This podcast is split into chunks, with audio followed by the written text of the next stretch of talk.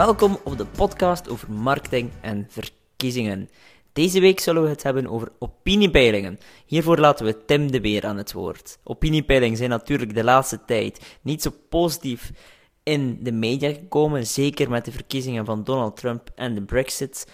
Maar volgens Tim is dat toch allemaal wat te nuanceren. Dus we laten gewoon Tim onmiddellijk aan het woord en alvast veel inspiratie gewenst. Goedemorgen Tim. Goedemorgen. Alles goed?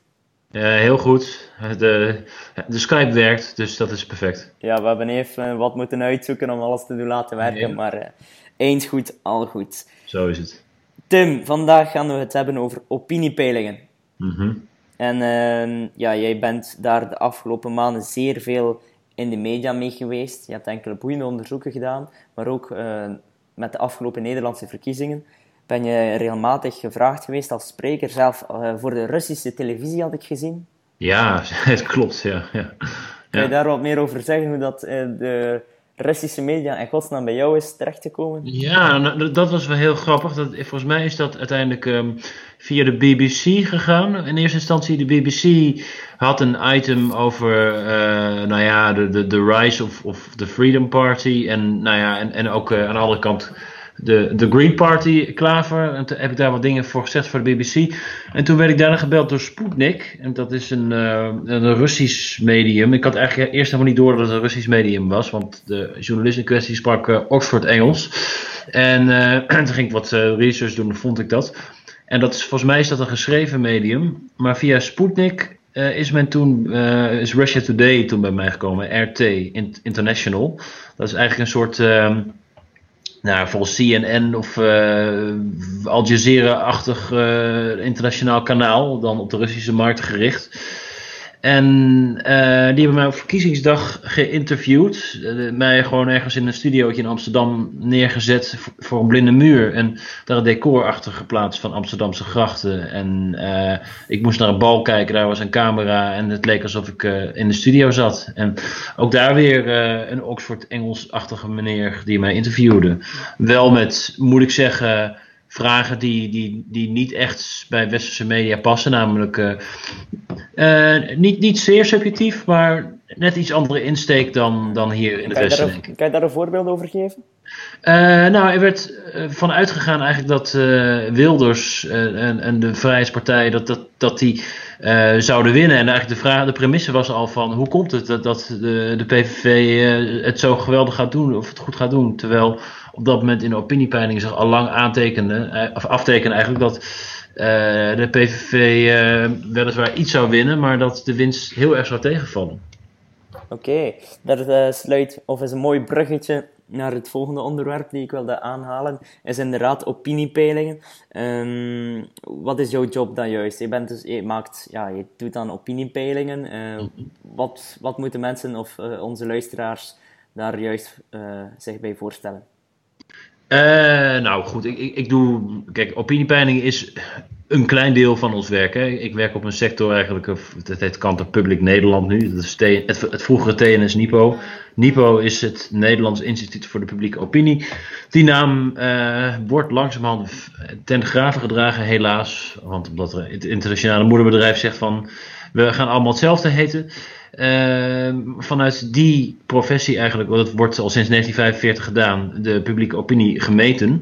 Maar uiteindelijk is het een commercieel bureau en er wordt ook gekeken naar, uh, nou ja, er, moet ook, we worden niet gesubsidieerd door de overheid, dus er moet geld mee verdiend worden. Opiniepeilingen kunnen nuttig zijn voor klanten, dus dat kunnen overheden, semi-overheden zijn, politieke partijen, universiteiten, dus hoogleraren die onderzoek mee willen doen en mee willen publiceren.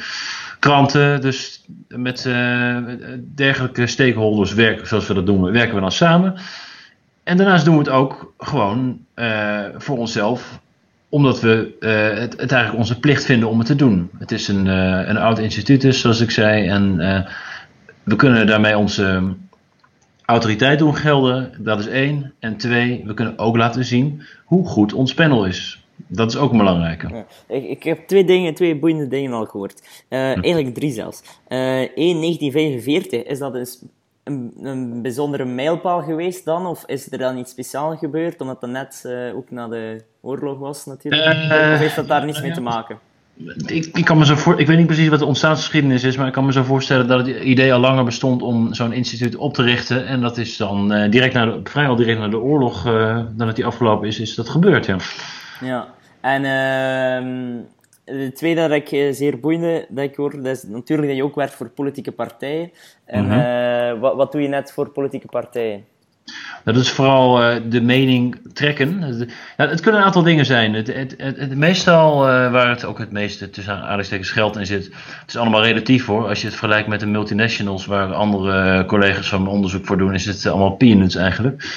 Maar um, ja, het is eigenlijk uh, thema's trekken en poppetjes trekken, de populariteit, waar ze goed op scoren, op welke eigenschappen, op welke niet wat er zou gebeuren als je poppetje A door poppetje B vervangt. Heel soms hoor. Maar uh, ook uh, issue ownership. Dus welke partij heeft de beste papieren op veiligheid, op, op milieu, op migratie, op sociale zekerheid enzovoort. Dus dat, dat zijn die trekkers die we regelmatig doen. Niet voor heel veel politieke partijen, maar voor een aantal. en soms hoort er ook meer kwalitatief onderzoek bij. Dus dat, dat betekent dan focusgroepen of interviews. Uh, dat, dat, is dus de andere manier om dat te doen, waarbij partijen kunnen kijken hoe ze een boodschap beter over het voetlicht kunnen brengen. Daarnaast houden we ons ook bezig met innovatieve methoden. En je refereerde er al aan in de introductie, bijvoorbeeld emotie meten. En dat klinkt wat ronkerder dan het is eigenlijk. Het is eigenlijk via innovatieve technieken impliciet associatiemethode als het ware. Kijken of mensen vooral rationeel dan wel emotioneel op thema's reageren, en positief of negatief. Dat is bijvoorbeeld iets wat we voor een politieke partij hebben gedaan uh, in relatie tot de Europese Unie. Oké, okay. kunnen we daar straks nog even op terugkeren? Zeker, zeker. Oké, okay. uh, het derde, want ik, ik zei van ja, ik heb drie interessante zaken gehoord. Uh, ik heb wel meer interessante zaken gehoord hoor, daar niet van, maar drie puntjes ja. dat ik nog wel extra ja. belichten. Uh, het laatste was, jullie willen jullie kwalitatief panel showen. Is dat een interne strijd of een strijd tussen de verschillende opiniepeilingbureaus, het panel? We willen de, niet kwalitatief, maar we willen de kwaliteit. De, ja, sorry, de, de, ja. dus dus dat, dat, dat we op een goede manier het panel samenstellen. En daarbij is heel belangrijk dat je eigenlijk, dat, dat is een gulden regel voor ons in ieder geval, dat je niet aan zelf-aanmelders doet. Dat niet mensen zelf aankomen zetten van, ach, ik vind het zo leuk, ik wil graag mijn mening laten horen. Dus ik wil in het onderzoekspanel, want dan heb je een engagement bias, zoals we dat noemen. Uh, de gemiddelde burger uh, is niet uh, bijzonder geïnteresseerd in politiek, misschien een beetje. Als je die zelfaanmelders aan gang laat gaan, dan loop je het risico dat de mening gekaapt wordt door een niet representatief deel van, van de mensen. Dus, dus dat, dat is een belangrijke. ook de andere opiniepeilers die werken met een panel. En, en daar zit inderdaad wel een soort um, impliciete strijd in van joh, wie heeft de, de hoogstwaardige kwaliteit. En opdrachtgevers die kijken er natuurlijk met een schuine oog naar. Dus in die zin, het is een soort jezelf in een etalage zetten. En er is eigenlijk geen enkele andere business behalve die opiniepeilingen, waarbij je echt afgerekend kan worden op het resultaat, namelijk verkiezingen. Ja, ja. En um, ja, natuurlijk, opiniepeilingen zijn uh, de laatste jaren um, met de verkiezingen rond de Brexit en Trump niet in het positieve daglicht geplaatst. Mm -hmm. dus ja, ik denk dat dat panel, dat er daar nu nog meer wordt naar gevraagd van is het panel wel correct, mm -hmm. waar je op ja. baseert. En zijn er dan ook methodieken dat jullie echt kunnen bewijzen van kijk, wij hebben een zeer kwalitatief panel, of is dat dan ja, een beetje afhankelijk van het momentum? Uh, ja, nou ja, er zijn alle certificaten die we gehaald hebben. Dus het is gewoon voor de mensen die echt wat van afweten, die, die kunnen zelf nagaan uh, hoe dat panel in elkaar zit. Want dat is uitgebreid beschreven allemaal. Maar voor het publiek, ja, het wantrouwen was inderdaad heel groot na Brexit en Trump. Kanttekening trouwens, bij Brexit lag het heel dicht bij elkaar. Dus je hebt onzekerheidsmarges en peilingen. Dus ja, er zijn echt weinig peilingen geweest die er echt valikant naast zaten. Hè. Er waren heel veel die zeiden van het is eigenlijk too close to call. Dat is één ding. En verder met Trump uh, is het zo dat de popular vote natuurlijk naar, uh, naar, wel degelijk naar Clinton ging. Het is meer de consequenties die, er, eraan verbonden zijn. Namelijk dat uh, met dat kiesmannenstelsel, dat Clinton ook zou winnen, dat die verkeerd zijn geweest. Dus Dus dat, dat zeiden we meteen al van, wacht even voordat je die opiniepeilingen helemaal gaat afschieten. Kijk even naar de nuances daarachter. Uh, en ja, gelukkig de Nederlandse verkiezingen hebben ook laten zien, en volgens mij ook verkiezingen in Frankrijk, dat de, en Engeland dacht ik ook, dat de peilingen het helemaal niet zo slecht doen op dit moment. Dus ofwel we hebben geleerd tussen aanhalingstekens, ofwel het was echt niet zo slecht als geschetst is. Mm -hmm. Oké, en uh, wat, wat doe jij dan specifiek als onderzoeker? Uh, wat ik als onderzoeker doe is uh, ja, verschillende dingen. Ten eerste, ik uh, moet natuurlijk ook gewoon projecten verkopen. Ik moet, hè, dus ik, ik werk gewoon voor klanten. En dat, je schrijft een offerte en je voert een onderzoek uit. Ten tweede, als opinieonderzoeker zit ik echt wel in het deel wat echt hoort voor de exposure, voor de publiciteit die ik voor het bedrijf wil genereren. Wil ik op interessante onderzoeken zitten, namelijk, nou ja eh, voorbeeld. Um, er was heel lang het verhaal van de, de boze blanke man kan niet goed vertegenwoordigd worden in panels. Hè? Dus de, nou ja, de PVV of SP-stemmer van, uh, in Nederland dan. Dus moet ik dat uitleggen hoe het, uh, hoe, waar die partijen voor staan? Of is dat uh, ik denk dat de meeste, of misschien heel kort, maar ik denk dat de meeste ja. luisteraars wel weten waarvoor ze staan. Nou, ja, oké, okay, de PVV is... Zal, ja, PVV is inderdaad, uh, ik zal het op zijn Vlaams zeggen, de ja. Vlaamse partijen eraan linken. De SP is, zijn de PvdA bij ons, dat zijn de meer communistische partij. En PVV is dan meer, ja, ja, ja. zou je meer ja. naar Vlaams belang uh, richten ja, natuurlijk. Ja. Ongeveer, ja. En die komen uit de liberalen, maar dan uit de conservatieve liberalen. Juist. En uh, nou ja, met name de PVV is, is, is heel lang onderschat in opiniepeilingen eigenlijk. Maar sinds uh, 2012 is daar geen sprake meer van. Dus het is nog steeds een soort mythe die, die heerst van waar, als ze slecht staan in, de peilingen dan wordt er dan geroepen, zie, wacht maar, die, die, peilingen demoniseren en de, de, de, media doen eraan mee, de linkse media. En bij de verkiezingen zullen we iedereen wel laten zien hoe we het echt doen. Maar dat is eigenlijk sinds een jaar of vijf is dat een beetje voorbij. Er is wel een nieuwe groep die opgekomen en dat is de boze zwarte man of, of vrouw gechargeerd gesteld. En dat is namelijk, we hebben nu een nieuwe partij en dat is het uh, ze zullen het zelf nooit zo noemen, maar het is een partij voor uh, niet-westerse allochtonen die een tegengeluid willen brengen tegen het geluid van de PVV bijvoorbeeld. Ja, dat is Denk. Juist, ja. ja. En die is heel moeilijk te vangen in opinieonderzoek, omdat uh, de onderzoeksbereidheid onder deze groep, namelijk hun kernelectoraat, dat zijn voornamelijk, dat hebben we gezien, dat zijn voornamelijk Turken en Marokkanen. En eigenlijk andere niet-westerse allochtonen een stuk minder. Maar Turken en Marokkanen en die zijn een stuk minder bereid om deel te nemen aan onderzoek. Dus dan wordt het ook lastig om die goed in kaart te brengen. Ja, en um, even uit nieuwsgierigheid, want het, het, ja, het moet Allee, het was niet echt voorzien dat we het hierover gingen hebben, maar uh, het past perfect in wat ik nu op dit moment aan het doen ben. Ik ben namelijk voor een uh, grote centrumpartij uh, dus um, een onderzoek aan het adverteren op, op of een soort van opiniepeiling, onderzoek aan het adverteren op Facebook. Ik vraag me nu af of jullie daar ook ervaringen in hebben. Dus die, inderdaad, die doelgroepen die minder makkelijk te bereiken zijn, of je die dan bijvoorbeeld via nieuwe media zoals Facebook of ja, eventueel Instagram, Twitter, wel makkelijker kan bereiken. Of heb je daar minder ervaringen in? Uh, ik weet dat partijen hetzelfde doen, maar wat betreft, en ik weet ook, zijn partijen hebben ons benaderd, uh, andere, bijvoorbeeld universiteiten of, of bureautjes, die ook daar iets mee proberen te doen en die uiteindelijk uh, opiniepeilingen zelfs proberen te vervangen, maar nou, ze, ze, doen het volgens nog niet zo goed. Mensen op Twitter of op Facebook die uh, uh, zeggen wel iets, maar ja. lang niet zoveel als opiniepeilingen zelf. Nee, absoluut. Maar ik bedoel geen analyses inderdaad op nee. basis van mensen of zo. Ja. Maar ik bedoel ja. echt gericht, je, bijvoorbeeld je enquêteformulier gericht sturen naar die mensen op Facebook.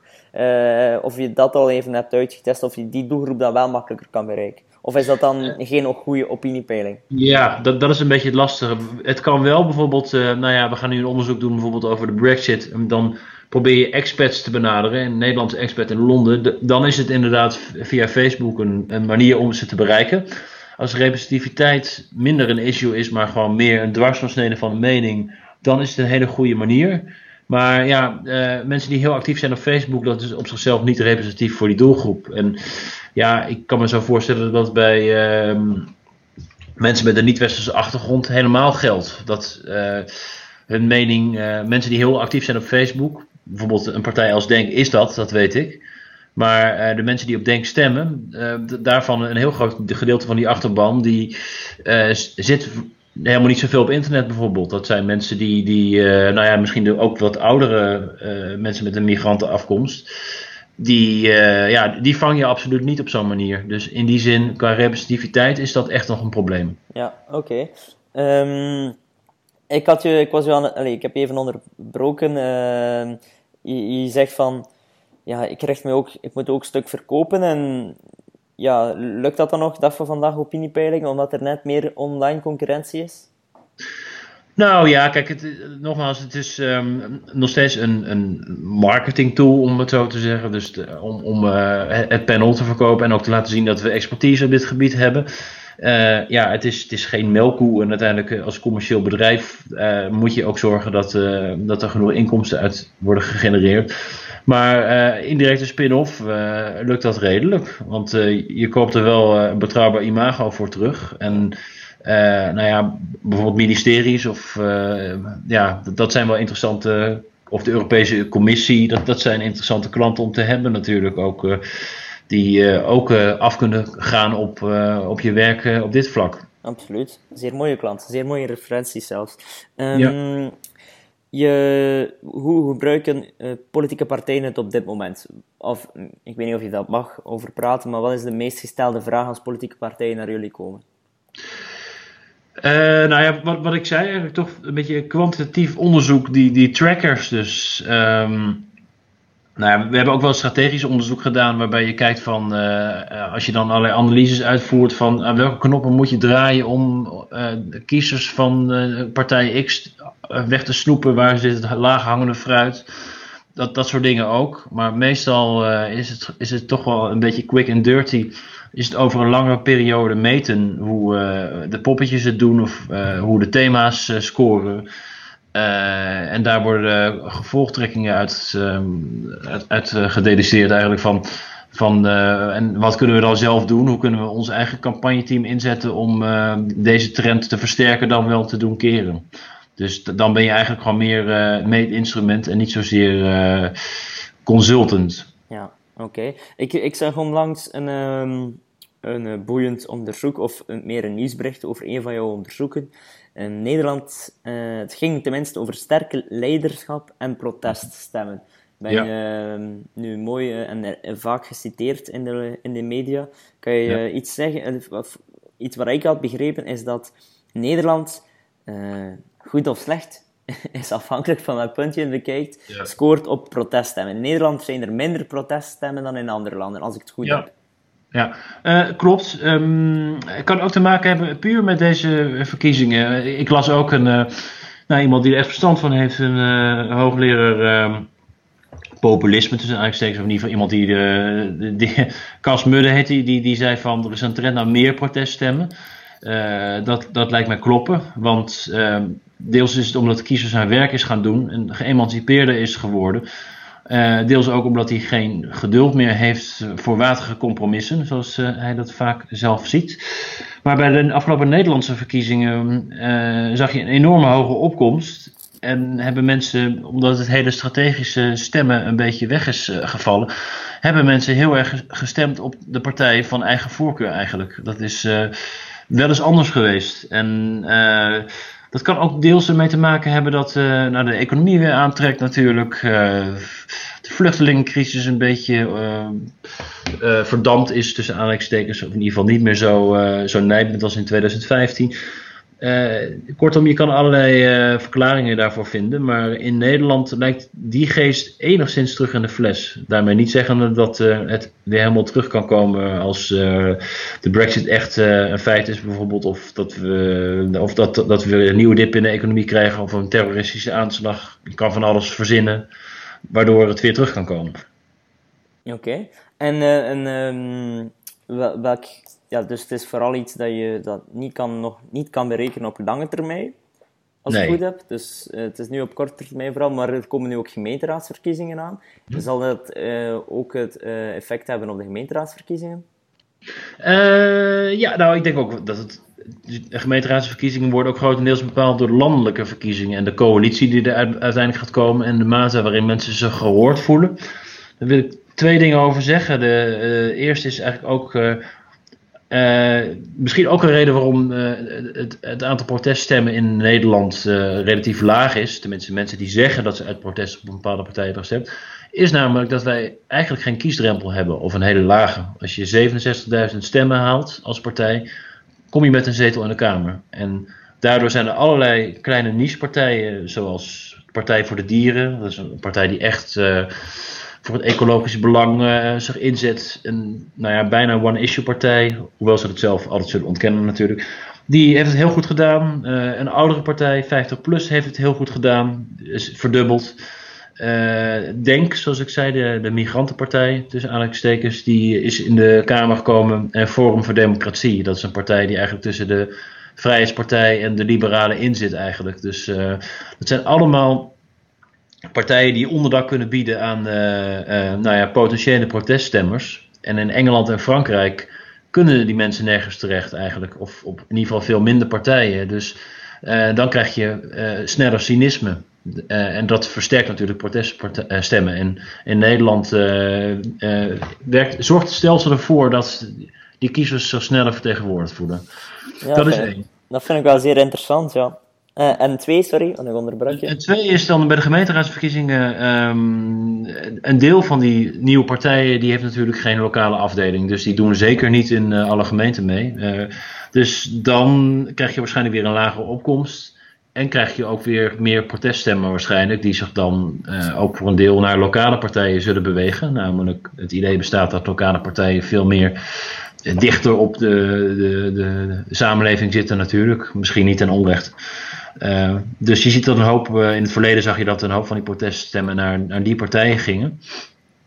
Ik denk ook dat, uh, zoals ik zei, de, de komende coalitie, hoe die eruit komt te zien, welke partijen daarin zitten, dat die een grote invloed zal hebben op de gemeenteraadsverkiezingen. Omdat de grootste kloof, en dat is ook in België zo, dat is in Frankrijk, dat is in Groot-Brittannië, dat is ook in Duitsland zo, zit op opleiding. Dus dat, als je kijkt naar uh, lage opgeleide en hoge opgeleide, gemiddeld gesproken stemmen die op andere partijen, uh, kijken die anders naar de samenleving op dit moment. Tenminste, met hoge opgeleiden zijn veel optimistischer dan lage opgeleiden en zien veel meer kansen dan bedreigingen. En ehm, ja, als je dus een coalitie krijgt waarin het belang van lager opgeleiden niet goed vertegenwoordigd is, dan kan het zomaar weer terugkomen ineens, die onvrede.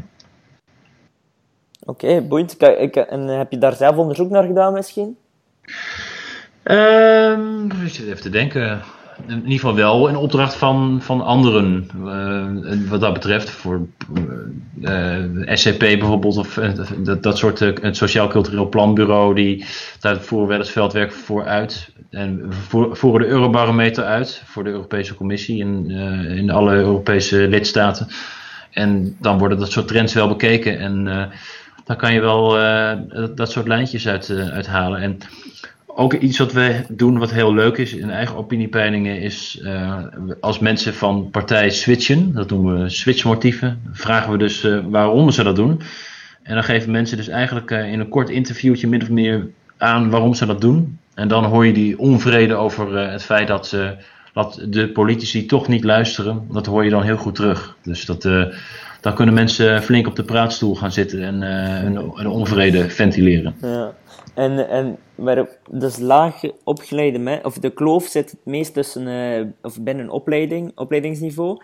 En uh, laag opgeleide mensen gaan eerder proteststemmen uiten.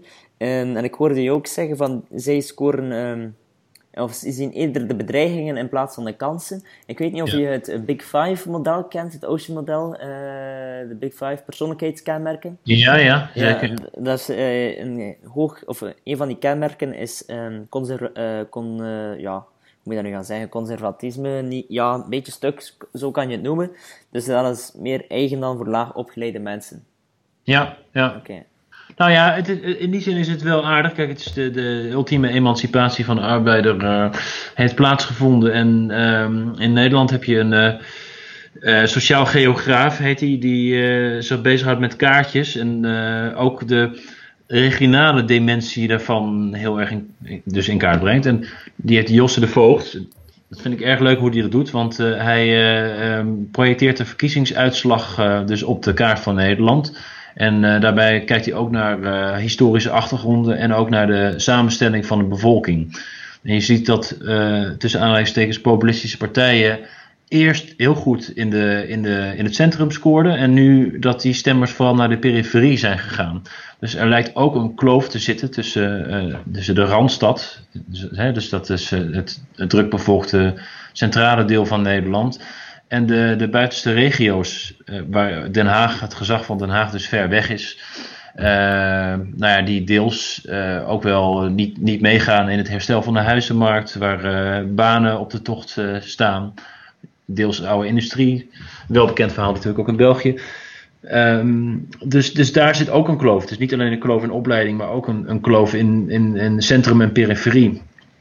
En waar die samenkomt, is die het meest krachtig. Dus waar als er veel lager opgeleiden ergens wonen die uh, in de periferie zitten, dan ja, daar, daar, zie je echt uitschieters in de scores voor uh, tussen aanhalingstekens meer populistische partijen. Oké, okay. en kunnen we want we zijn nu even aan het doorgaan op het uh, anti-stemmen. Het andere deel van het nieuwsartikel die ik over jouw onderzoek heb gelezen ging over sterk leiderschap. Mm -hmm. ja, kan je daar iets meer over zeggen? Um, sterk leiderschap, ja. Um, nou kijk, sterk leiderschap, het, het hoeft niet te zeggen dat als iemand voor een sterk leider is, dat hij meteen antidemocratisch is. Of dat hij populistische tussen aanhalingstekens tendensen heeft. Oké, okay, en wat bedoel je met sterk leiderschap? Een autoritair figuur, à la Erdogan, à la... Ja, je hebt er wel nog. Ja, we hebben die stelling echt zo voorgelegd. Het is ook niet mijn, per definitie mijn idee geweest om het zo te stellen hoor. Maar uh, je kan hem invullen zoals je wil, maar uh, uh, ik, hij, ging geloof ik even uit mijn hoofd van... Ik ben een, een, sterk leider die schoonschip maakt of die die uh, daadkracht toont en, uh, en, over dat, al dat gepraat in het parlement heen stapt eigenlijk. Dat is, of mensen dat een goed idee vinden. Nou, twee derde van de mensen vindt dat een goed idee. En dat kan ook te maken hebben met het feit dat mensen uh, de politiek te stroperig en niet snel genoeg vinden. Als mensen niet alleen dat vinden, maar ook vinden dat er een, een grote kloof bestaat tussen de elite tussen, en de volkswil, allemaal tussen aanhalingstekens uh, en daarnaast ook vinden dat, uh, hè, dat, dat, de elite zijn eigen zakken vult. Of, of dat de, de volkswil niet goed gehoord wordt. En dat, dat er eigenlijk uh, een, iemand zou moeten opstaan uit het midden die schoon schip maakt. Ja, als dat allemaal samenkomt, dan krijg je wel trekjes voor populistisch leiderschap. Of, of voor autoritair leiderschap, hoe je het wilt zeggen. Maar die vraag op zichzelf wil niet zeggen dat iemand antidemocratisch is of, of populistisch.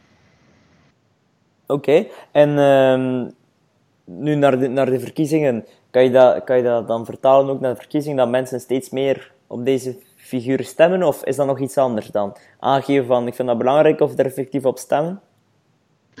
Eh, ik begrijp de vraag niet helemaal zo. Ja, is het uh, het aangeven van, ik vind dat belangrijk, uh, iemand die daadkrachtig is, en er effectief ook op stemmen, ja. zijn dat, zijn dat, is, dat, is dat hetzelfde, of zijn dat twee andere zaken nog? Uh, je ziet wel wat, wat, wat verschillen in, in, in, partijkeuze en het eens zijn met, met die stelling. Maar uh, nou, twee derde van de mensen is het daarmee eens. En dat, dat zijn ook gewoon kiezers op uh, traditionele partijen die heel erg in het Nederlandse poldermodel zijn opgegroeid. In het overlegmodel. Dus op zichzelf zijn het niet. Zijn het ook andere dingen. Maar ehm, ja, je ziet wel dat, dat aanhangers van de, de flankpartijen dat, dat die dat wat sterker vinden dan die uit het politieke midden, dat wel. Ja, want waarom ik het vraag is omdat dat een van de zaken is waar, of waar men uh, de, het neder, de nederlaag van, van Clinton verklaart, is dat heel vaak uh, mensen zeiden van ja, ik vind dat belangrijk, ik vind dat belangrijk, maar ze dat ook wel een stuk zeiden omdat ze politiek correct wilden zijn. Mm -hmm. En eigenlijk hun, hun gedrag uh, was helemaal anders. Dus mm -hmm. ik vraag me dan af van mensen die iets aangeven in een opiniepeiling, is dat dan ook altijd hun gedrag? Of je daar dan uh, bepaalde ratio's in hebt of bepaalde ervaringen hebt van kijk, zoveel mensen die zeggen uh, ik doe dat of ik zeg dat, dan zoveel procent doet het ook. Of daar heb je minder zicht op? Ja, we, we, doen, we doen nametingen. Dus we ja. vragen afgelopen altijd aan de mensen die in de slotpeiling hebben meegedaan en ook aan ons hele panel wat ze echt gestemd hebben. En dat komt nooit helemaal overeen, overeen met de werkelijkheid. Uh, komt ook omdat ja, je steekproef niet altijd representatief is natuurlijk. Maar het is, uh, dat blijkt ook uit die opiniepeilingen. Het is verrassend uh, dicht bij de werkelijkheid. En zoals ik zei, die, de, de boze blanke man tussen aanleidingstekens is inmiddels goed vertegenwoordigd. Dus daar zit geen taboe mee op. Ja, dus in die zin durf ik wel te zeggen dat uh, het hele politieke correcte, ja, dat, dat we in Nederland gewoon een stuk verder zijn dan bijvoorbeeld in, in de Verenigde Staten, waarin uh, dat, dat misschien wel een rol speelt. Kan ook aan de onderzoeksmethode liggen. Als je iets online uitzet, dan durf je eerder te zeggen wat je vindt dan als iemand je belt of iemand langs de deur komt. Ja, oké. En uh, we hadden het in, in het begin van de podcast er al even over, emoties meten. We mhm. zijn bezig met innovatieve methodieken, zeg je. Um, emoties meten is natuurlijk in politieke communicatie uh, hot, heel hot uh, big business stuk ook. Um, kan je daar iets meer over vertellen, hoe jullie dat juist aanpakken, wat de resultaten daar ook van zijn? Ja, nou ja, het is, de methode op zichzelf is niet innovatief, omdat het al eerder wordt. Het, wordt gewoon gebruikt door wetenschappers, waarin bijvoorbeeld een impliciete associatietest, waarin mensen begrippen zien en dan. Ja, ja, en dan moeten reageren uh, positief of negatief, ja of nee. En dan... Ja, sorry dat ik onderbreek. Misschien een impliciete associatietest. Kan je dat nog even uh, ja. Oké, ja. Nou ja, de, de, de echte impliciete associatietest is heel moeilijk uh, na te doen. Want die is door Harvard ontwikkeld en dat is, moet aan allerlei voorwaarden voldoen. Maar je kan wel soortgelijke testen voorleggen. Eigenlijk komt het op neer dat je bijvoorbeeld uh, een instituut als Europese Unie voorlegt. Oké, denkt u aan de Europese Unie, wat vindt u ervan? Vervolgens leg je een aantal woorden voor, positieve dan wel negatieve, een beetje in gelijke mate en je, je kijkt of mensen ja of nee klikken en dat is één. En ten tweede, je meet ook hoe lang ze erover doen. Of ze snel ja of nee klikken of juist niet. En ik denk dat enkel de snelle meetellen zeker, of niet? Uh, nee, beide, maar er wordt gewoon gekeken. Dus eerst eh, wordt er gewoon een soort uh, benchmark gemaakt. Er wordt gekeken hoe snel mensen überhaupt reageren op woorden. Dus eerst worden de onzinwoorden voorgelegd. Dus zodat we kunnen vastleggen: oké, nou deze persoon reageert ongeveer zo snel gemiddeld op, deze, op woorden.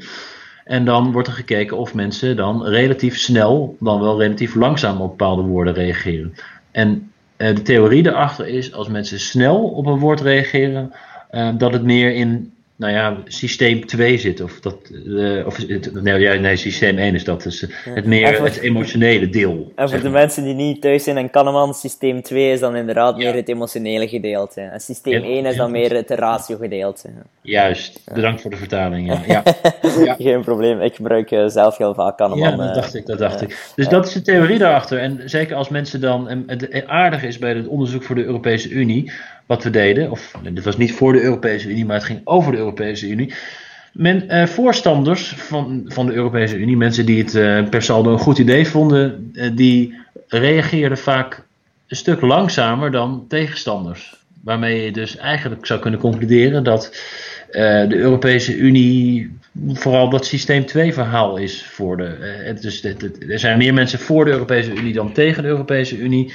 Maar het is vooral iets dat rationeel beargumenteerd wordt. En uh, als je er tegen bent, zit het heel erg op de emotie, lijkt het. Bij een groot deel van de mensen tenminste. Dus dat is, dat is een van de dingen die we hiermee hebben kunnen meten. En dat uh, voor een bepaalde politieke partijen hebben uitgevoerd die daar heel veel aan hadden. Omdat ze weten voor hun politieke communicatie dan. Ah, als we voorstanders erbij willen blijven houden. Uh, ja, dan, dan bijvoorbeeld als je mensen die gematigd voor zijn, dus op het punt staan om misschien van mening te veranderen, die moet je gaan targeten. En hoe doe je dat? Door uh, een rationeel verhaal te houden dat goed is, maar misschien ook ervoor te zorgen uh, dat je met een aansprekend emotioneel verhaal komt. Dus nou ja, wat in Nederland uh, vooral de anti-partijen daar goed in zijn, maar bij de afgelopen Nederlandse verkiezingen zag je nu ook opeens de, de Groene Partij, uh, die eigenlijk met een meer emotioneel verhaal kwamen. Dus het kan ook twee kanten op gaan. Oké, dus als ik even mag samenvatten, want ik vind het extreem interessant. Um, mensen die, uh, je hebt geconcludeerd dat mensen die voorstander zijn van de, van de Europe Europese Unie, dat vooral op basis van argumenten doen, op basis van ratio, logische argumenten, omdat ze langer moeten nadenken over de associaties die ze maken. Terwijl uh, tegenstanders of, of stomme keer tegenstanders zijn, dan, die reageren heel snel, waardoor het, je kan zien van, ah, dat is vooral emoties gebaseerd. Dus als je dan naar jouw communicatie als politieke partij op de tegenstanders wil richten, moet je vooral met emoties werken. Ja, ja. En dat kan je dan, een, een, voorbeeldje is dan uh, echt focussen op migranten, omdat dat zeer emotioneel is. En, en, en voor de naar pensioenen dan toe, uh, ja kijk, dat is een gevaar voor onze eigen pensioenen bijvoorbeeld. Om het nu even heel cru en op de flessen te trekken. Maar dat zou kunnen.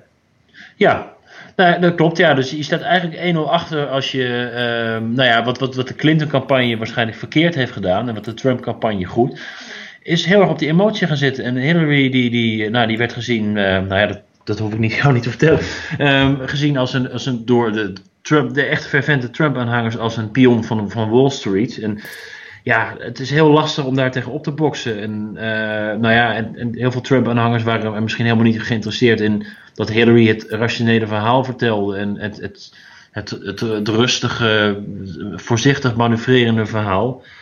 Nee, die, die wilde juist een, een, Make America Great Again. Ja, dat scoort veel beter dan als je met een beleidsnota komt met allerlei mits en maren bij, bij, dat, bij die mensen. Dus die uh, al negatief tegen een instituut of, of die negatief tegenover Washington tussen aanhalingstekens staan. Dus, dus dat is een les die je daaruit zou kunnen trekken, ja.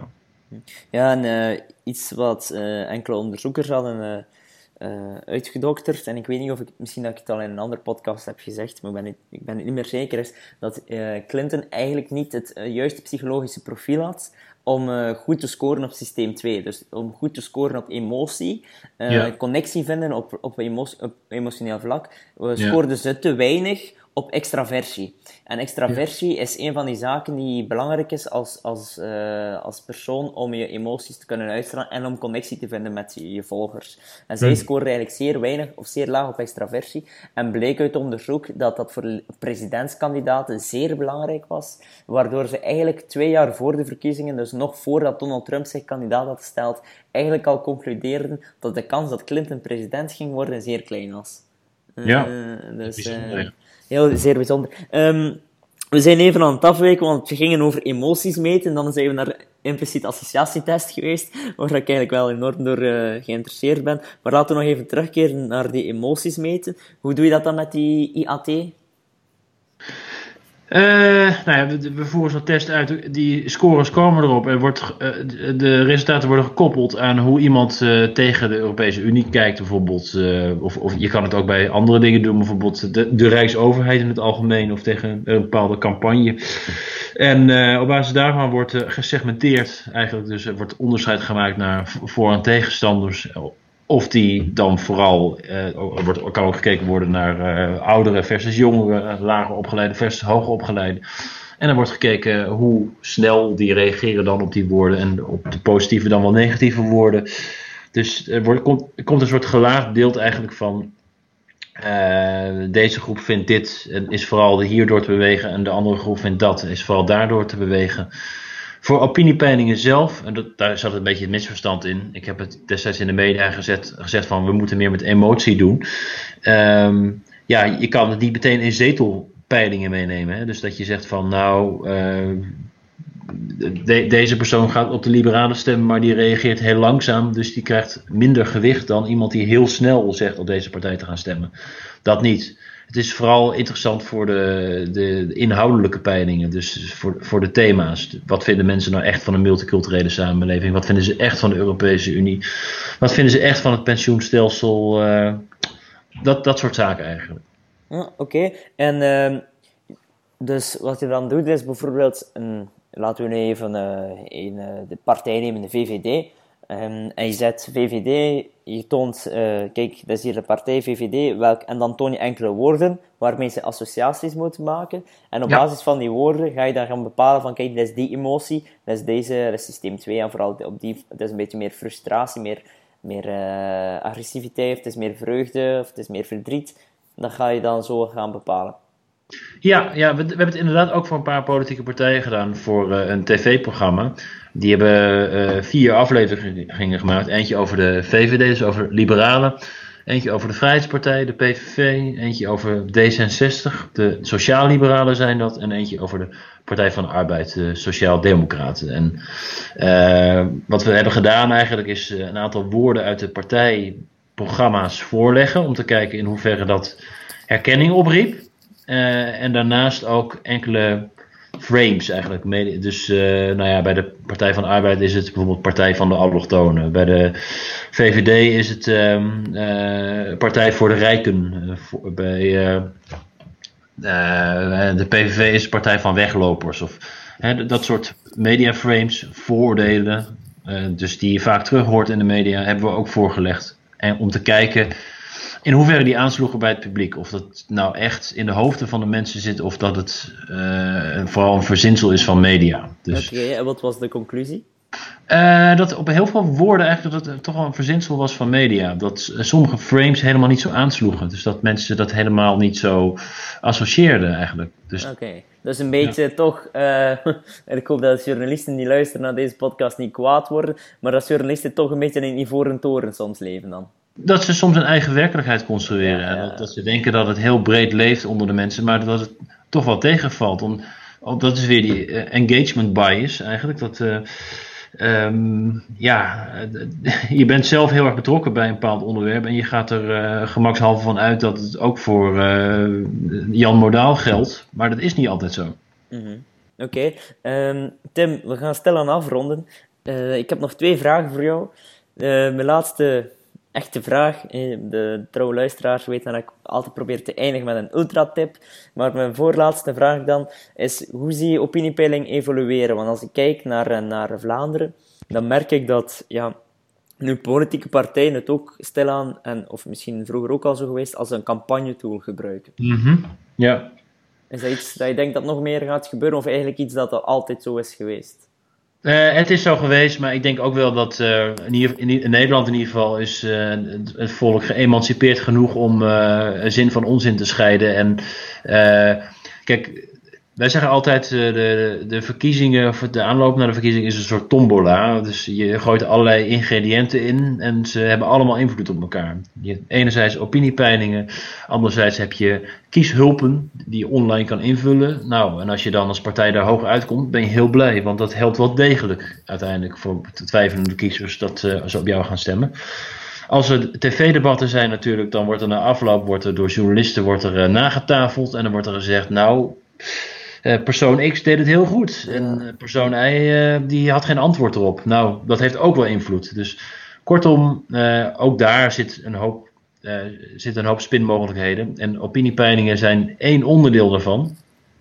En de politieke partijen die zullen ze zeker blijven gebruiken om zo'n bandwagon effect te creëren. Ja. Dus, te well, dat is het, hè? bandwagon effect. Of zoals ja. Geraldini zou zeggen, de social proof uh, methodiek. Uh, er is echt, ja, als je, mensen volgen vaak de massa. En ja. uh, als je dan kan een opiniepeiling, stel nu bijvoorbeeld hier in, hier in België en Wallonië doen de Franstalige socialisten het niet zo goed vanwege enkele schandalen. Ja. En uh, als je dan als voor het MR zijnde enkele opiniepeilingen regelmatig doet van kijk, ze doen het weer slecht, ze doen het slechter en wij doen het mhm. goed en wij ja. gaan naar boven, ja, dan, dan creëer je een soort van bandwanken inderdaad. Uh, ja. Volg de massa, volg de massa naar de MR en verlaat het zinkende schep van de PS, om het even in beeldspraak te zeggen.